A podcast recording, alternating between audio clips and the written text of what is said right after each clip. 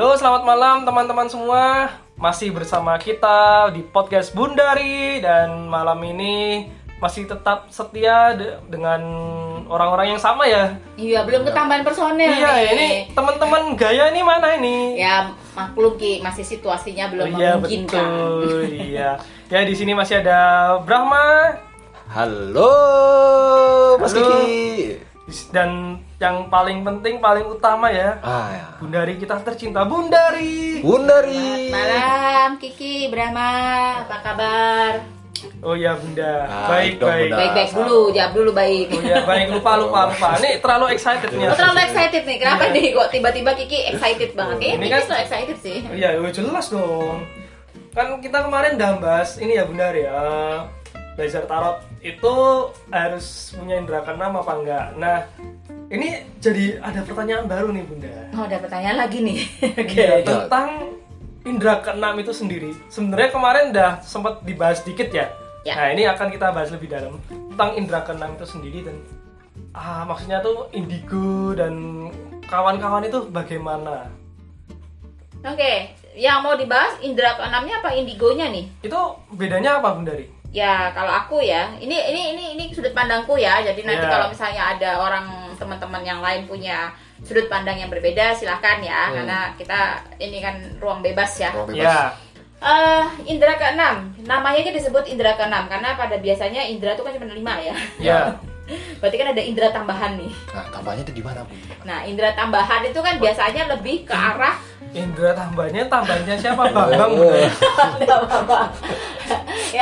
indra keenam itu biasanya memang lebih ke hal-hal yang sifatnya eh, di luar indra normal ya. Misalnya nih, kalau indra ke indra yang normal nih mata nih kan melihat bisa melihat ya. Hmm, Berarti iya, kalau iya. indra yang keenam berarti dia juga bisa melihat tapi mungkin melihatnya lebih jauh nih. Hmm. lebih Iya. detil atau melihat dari uh, perspektif atau dimensi yang lain. Perspektif ya, perspektif, Iya, atau perspektif. dimensi yang lain. Perspektif itu oke. kalau konteksnya luas ya. Hmm. Nah, kalau indigo sendiri, ya, kalau kita bahas indigo, ya, apakah orang dengan indera keenam itu pasti indigo? Mungkin gitu kan? Ya. Apakah menjawab tidak? Hmm, berarti yang kemarin indra keenam bisa melihat hantu, bisa melihat masa depan itu bu- itu bukan berarti mereka indigo ya Bundari? Ah, kan ya kalau aku sih lebih mengarahkannya belum tentu mereka indigo. Memang ada indigo yang memang bisa melihat makhluk halus ya. Ya ya ya. Makhluk halus ya, Bu? Makhluk halus ya, makhluk halus itu Berarti- berarti bisa baik bisa buruk. Malu halus Ya. kalau nggak tepung beda. Sesuatu yang halus-halus pokoknya ya. Nah, eh, tapi indigo itu tidak hanya sebatas itu. Hmm, luas ya berarti. Luas ya, karena indigo itu kan intinya dia punya kemampuan khusus. Hmm, Sesuatu yang lebih ke sifatnya interdimensional ya. Oke oke. Ya, indigo ini kan memang se- suatu topik yang sering di banyak diperdebatkan ya. Kalau kalau di eh, luar negeri ya mungkin di dunia barat bahkan sudah diteliti dengan metode sains yang lebih rasional ya. Ya. Ya, jadi lebih lebih dilihatnya dari sudut pandang yang lebih rasional. Bahkan kita bisa dilihat dari sisi psikologinya dan yang lain-lain ya.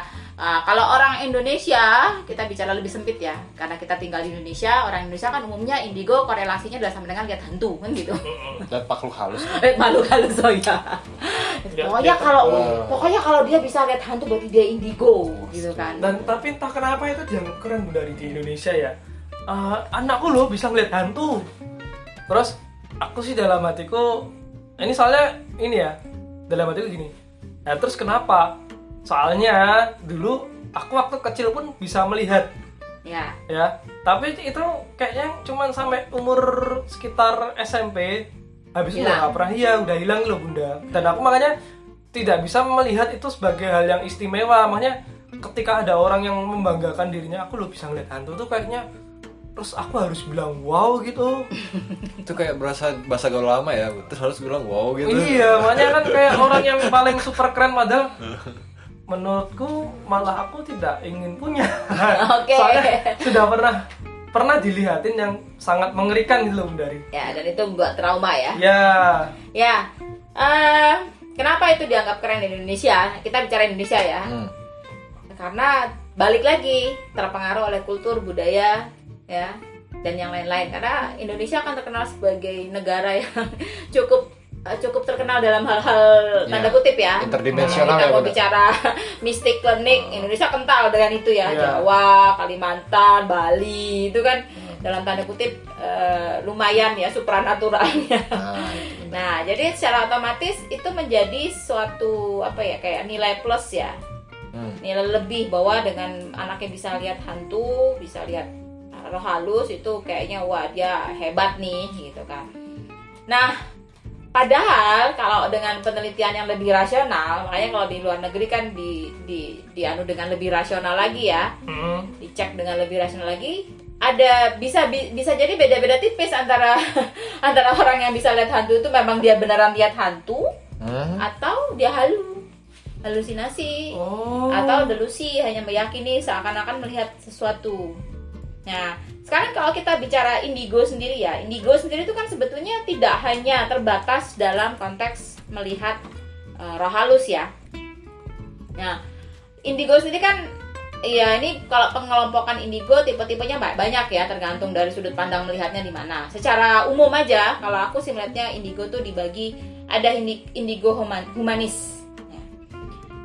Eh, gini sebenarnya kalau kita bicara indigo apa sih indigo itu indigo tuh sebetulnya diawali dengan eh, cakra maksudnya aura Oh. Biasanya orang-orang indigo itu punya aura warnanya kebiruan keunguan indigo warna indigo lah Iya, iya. Karena ungu ya, Bun. Biru. nah biru ungu ya kayak gitu warna indigo jadi itu sebetulnya dimulai di, diistilahkan kenapa diistilahkan indigo karena itu aura mereka berwarna itu nah aura aura berwarna itu kan terhubung dengan cakra. Ya kan cakra yang ungu ya. Nah, nah eh, cakra yang cakra ungu itu yang sudah terbuka itu yang sudah aktif itu kan memang membuat mereka punya eh, apa ya kelebihan ya.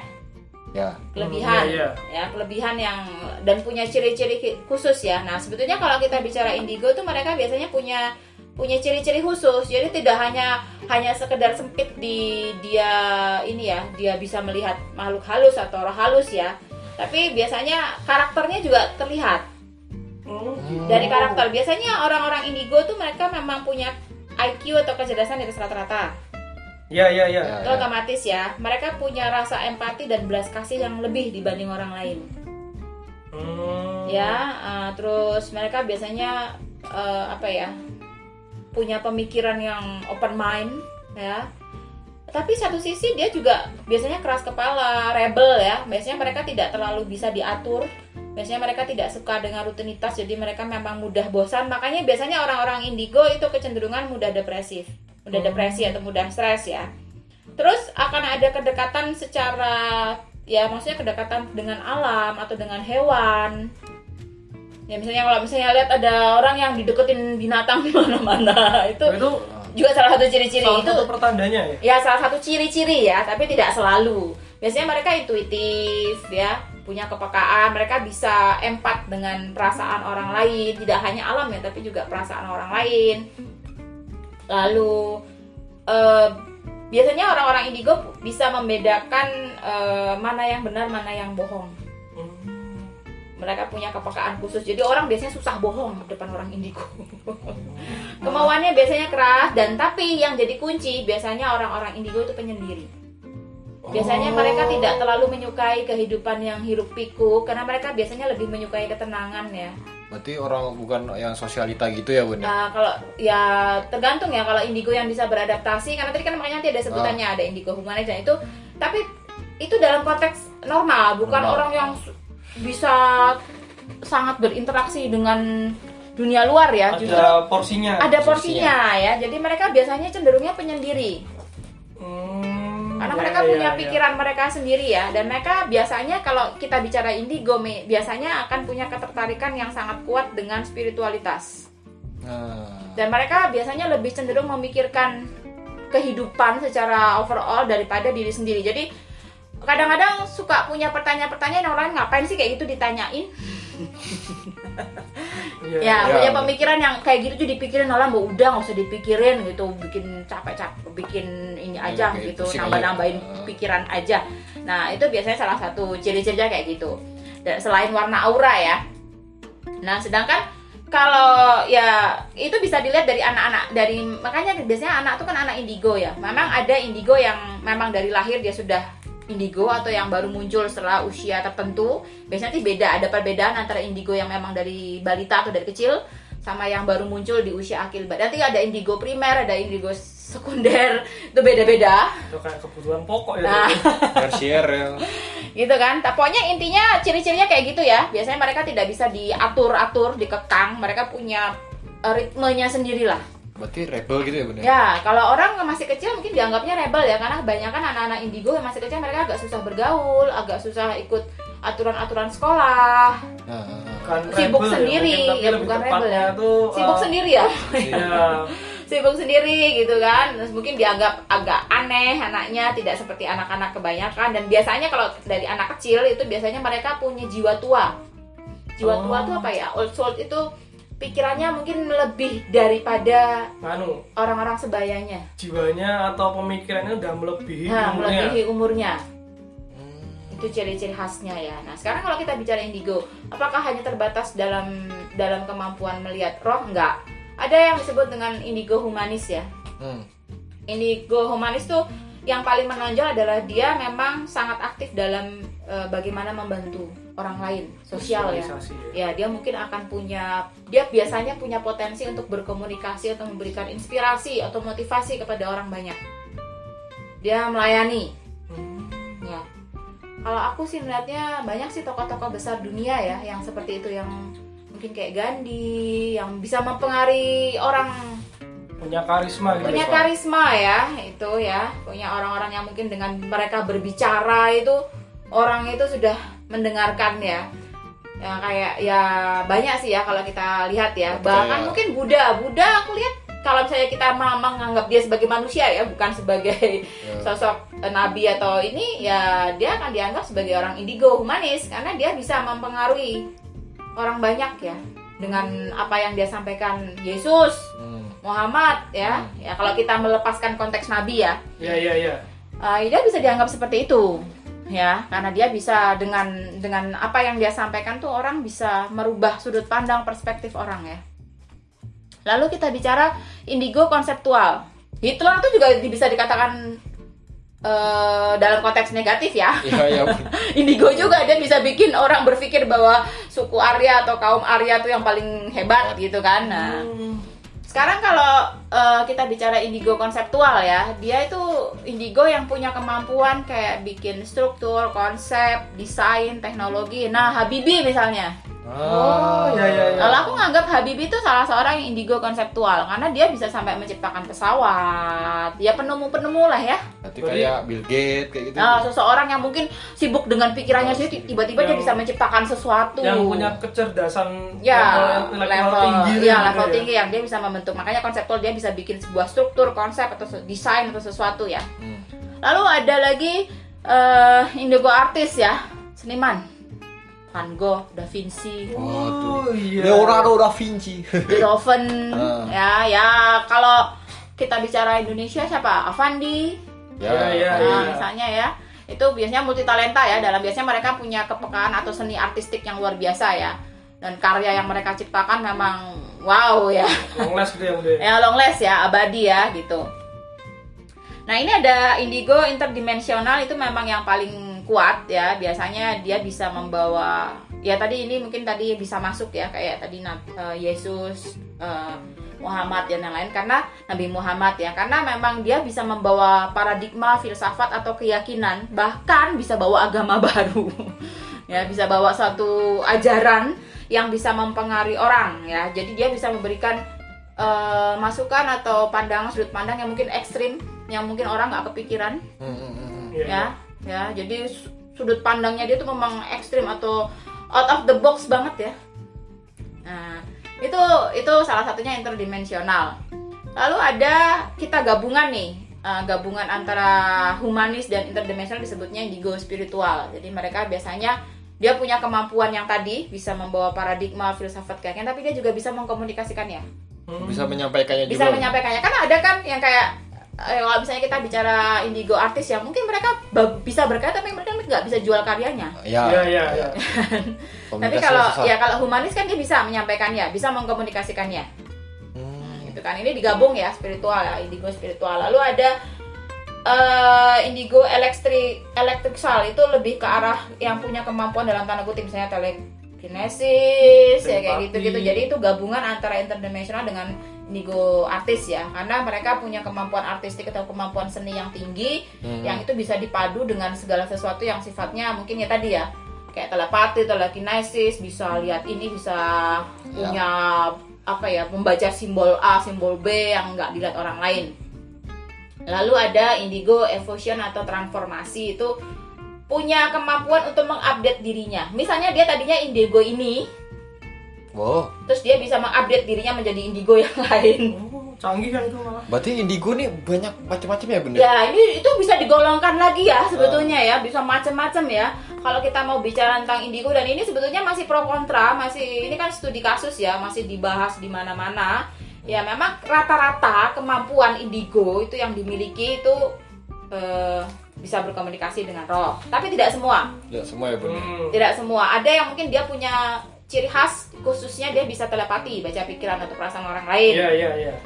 Terus ada yang clairvoyance ya, itu melihat sebuah situasi atau kondisi di tempat lain. Hmm, melihat kayak dia lihat ya. di sana itu ada terjadi apa, padahal dia posisinya di mana misalnya.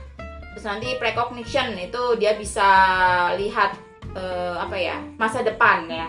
Nah melihat masa depan ini bisa ada yang langsung bisa lihat kayak dia tiba-tiba kayak lihat film gitu gambaran Iya, iya, iya. atau mimpi gitu kan. Tapi bisa juga dengan data dan analisa. Sebenarnya kalau kemampuan tarot tarot Hmm. itu kalau aku bisa melihatnya masuk ke sini. Kalau yang tarotnya bagus ya, Ya. Iya, iya, iya. yang orang yang punya kemampuan tarot bagus bisa melihat dengan da- bisa men- menga- menyimpulkan ya dari data dan analisa yang didapatkan dari simbol-simbol yang dia lihat itu dia bisa menyimpulkan sesuatu yang lebih detail lebih jelas nah itu dia punya kemampuan ini Oh, pantas Bunda soalnya dulu waktu ya ini event lagi ya. Mm-mm. Hmm. Baca kartu gitu langsung. Masa indigo ya? Aku mau jawab hmm, ya apa enggaknya tuh bingung karena konteksnya apa sih indigonya? Soalnya aku ngerasa udah nggak bisa ngeliat hantu. Terus ya ngeliat masa depan masa lalu juga nggak bisa gitu loh. Lebih ya cuman baca kartu aja karena baca simbol dan itu kebetulan berhubungan dengan apa yang aku sedang kuliahin sekarang. Jadi masih sambung menyambung loh bunda. Kalau makanya ketika dijawab itu mau jawab apa? Nah aku mau jawab merek internet Indonesia juga. Apa Indihome gitu.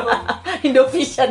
Indihome gitu kan. kopi senja mas. Indi. Nah, Indi makanya itu itu kan juga oh oh ya ternyata bisa ya masuk ke situ ya? bisa bisa. Atau nanti ada retrocognition itu dia bisa melihat masa lalu ya. Hmm ya bisa melihat masa lalu atau eh, bahkan ada yang punya kemampuan sangat hebat itu bisa merubah masa lalu tapi itu jangan jarang ya jarang banget yang punya kemampuan itu udah terlalu balik zaman Majapahit.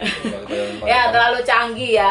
Ya jadi eh, indigo tuh konteksnya luas banyak. Cuman itu memang diawali dengan aura ya. Intinya ya tapi untuk bisa lihat aura itu kan tergantung lagi. Bisa lihat aura siapa. Ya bisa kita semua bisa melatih diri kita untuk melihat aura orang lain ya. Hmm.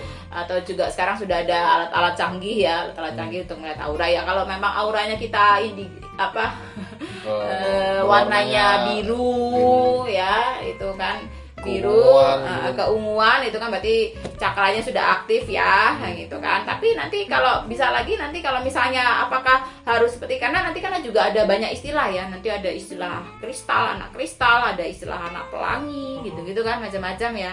Sebetulnya istilah indigo itu kan biasanya indigo itu di eranya tahun 1950-an sampai 1970-an mereka yang lahir di situ. Gak tua-tua dong Bunda nih. Terus berarti sekarang Nah, yang bapak ibu setelah itu kan itu. setelah itu kan biasanya disebutnya anak kristal.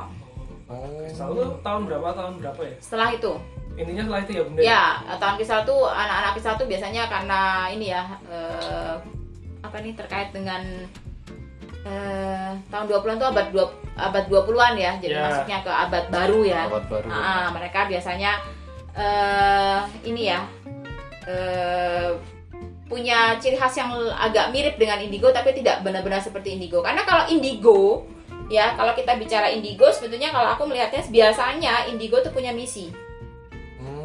Jadi Sampai- kalau hanya sekedar lihat hantu ya untuk apa kebisa?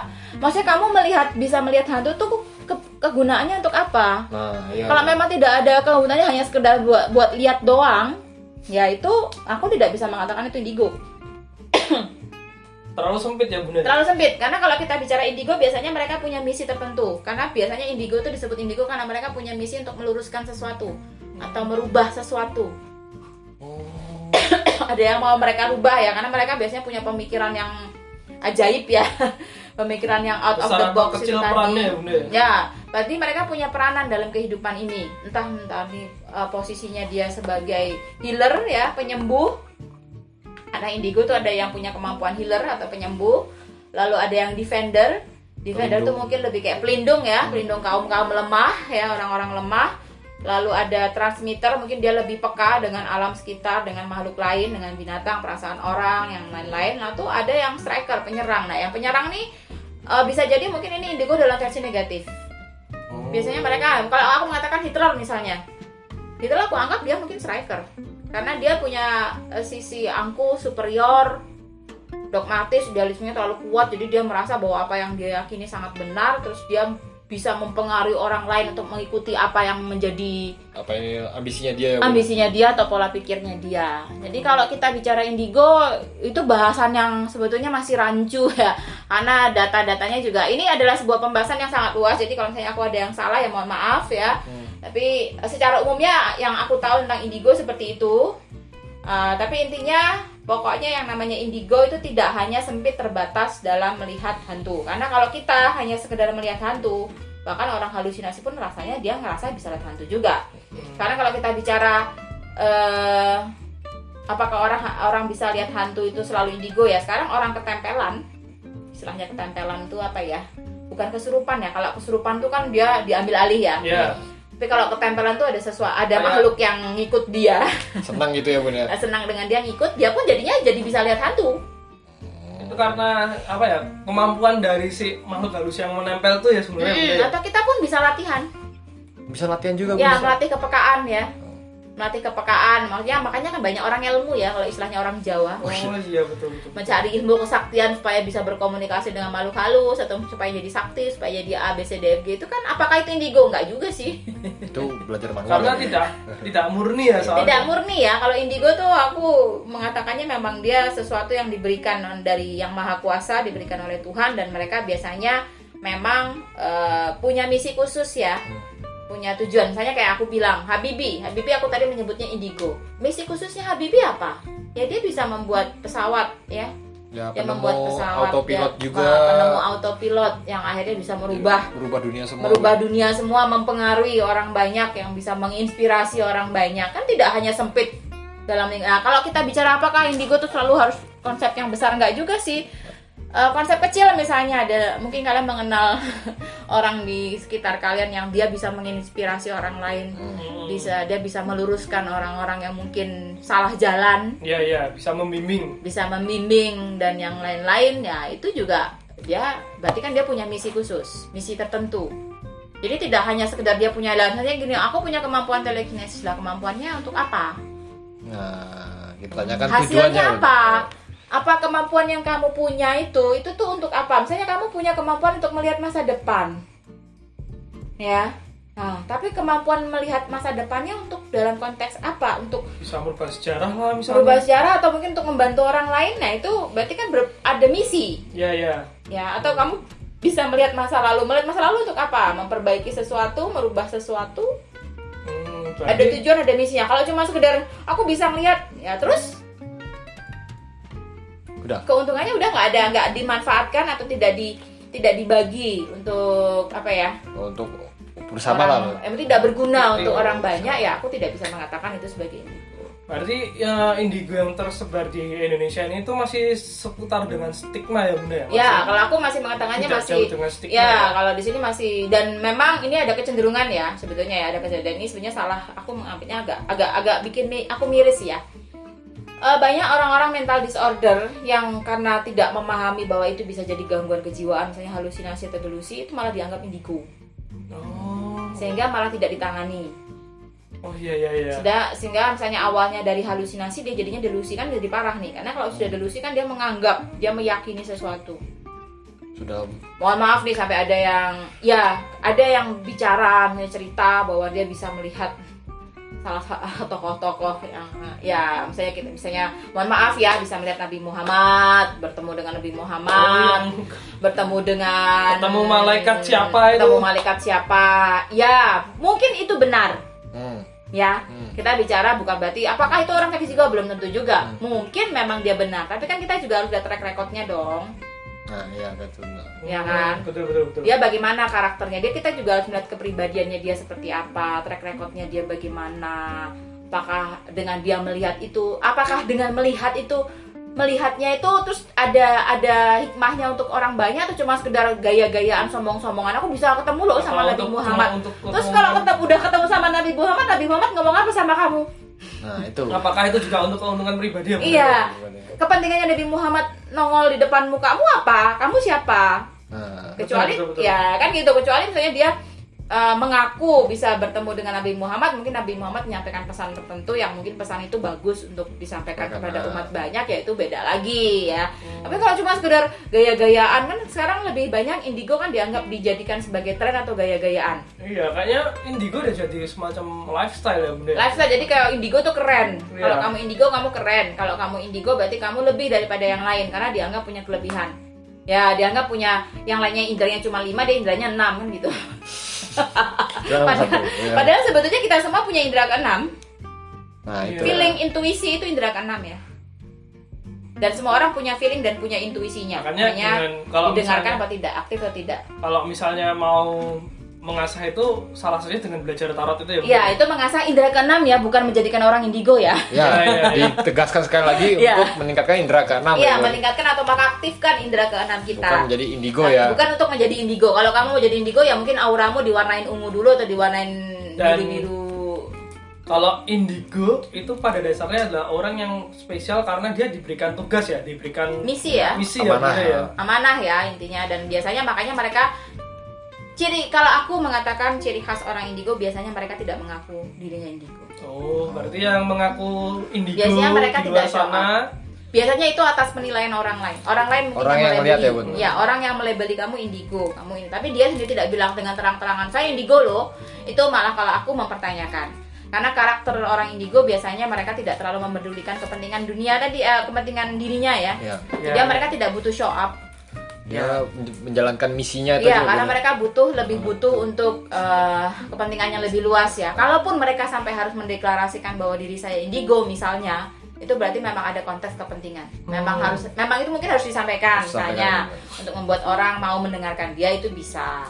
Tapi biasanya intinya orang indigo yang sebenarnya Nah, biasanya malah tidak show up karena mereka pada dasarnya penyendiri dan tidak suka menjadi pusat perhatian. Oh, gitu. Biasanya. ya soalnya empat alam sudah Ya mere- karena mereka biasanya di tempat umum aja sudah ini Udah ini ya, Udah. panik. tidak nyaman. udah nggak nyaman, nyaman. bukan panik Ki. lebih ke ya bisa merasakan energi di sekitar yang mungkin kurang tidak enak dan itu bisa mempengaruhi dia Hmm, berarti eh, untuk orang-orang yang melebeli dirinya indigo itu malah harus dipertanyakan ya bunda ya? Ya itu kalau aku ya. Ya kan berarti kan aku kan jadi sadar diri eh, kalau misalnya tadi ya jangan asal intinya gini lah. Sebelum kita mengklaim diri kita ya.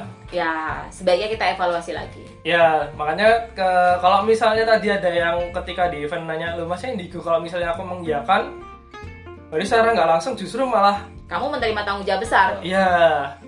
Kalau misalnya aku mengtidakkan ya udah, makanya ya udah diam aja lah. Oh, nggak perlu orang tahu kalau Ya, misalnya kalau aku, biasanya beneran kan aku sering gitu ya. ditanya seperti itu ya terlepas apakah aku indigo atau tidak Biar ya. orang lain yang menilai. biar orang lainnya menilai ya kalau aku lebih mengatakan apakah penting Nah, itu aku indigo atau tidak Ya betul. yang penting kan tujuannya lagi apa tahu? Ya tujuannya lagi kan kita balik lagi apakah itu penting Yang penting adalah kita bermanfaat untuk orang orang Orang lain sekitar itu kan orang lebih lain. lebih lebih make sense ya Ya, ya kalau cuman mau dipengen dianggap keren atau dipengen dianggap hebat ya kita bisa berkarya dengan cara yang tidak harus tidak harus menggunakan istilah indigo untuk dianggap keren ya. kita berkarya. ya kita berkarya sesuatu. kita melakukan sesuatu yang baik untuk orang lain, bermanfaat lah. Kalau aku kan selalu diajarkan sama almarhum ayahku bahwa sebaik-baiknya manusia adalah manusia yang bermanfaat bagi orang lain. Kurasa itu lebih lebih lebih lebih luar biasa daripada cuma sekedar dilabeli indigo. Ya. Itu bagiku ya. Oke. Ya, ini kita udah paham ya apa itu indigo, apa itu indra keenam. Jadi buat teman-teman yang bertanya, itulah jawabannya. Ya itu jawaban menurutku ya. Ya, ya mungkin kalian punya pendapat lain ya, Ya silakan. silakan bebas ya. Kalau setuju ya, ayo kita berdiskusi gitu ya Bunda Ya, ya. betul. Ya, terima kasih sudah mendengarkan podcast kita. Semoga Eh, bermanfaat semoga ya. bermanfaat. Semoga informasi yang disampaikan juga apa ya bisa membenahi ya Bunda ya. Mm. Dan yang pasti terima kasih banyak dan apabila ada kata-kata yang salah kita mohon maaf dan semesta memberkati. Terima kasih. Terima kasih.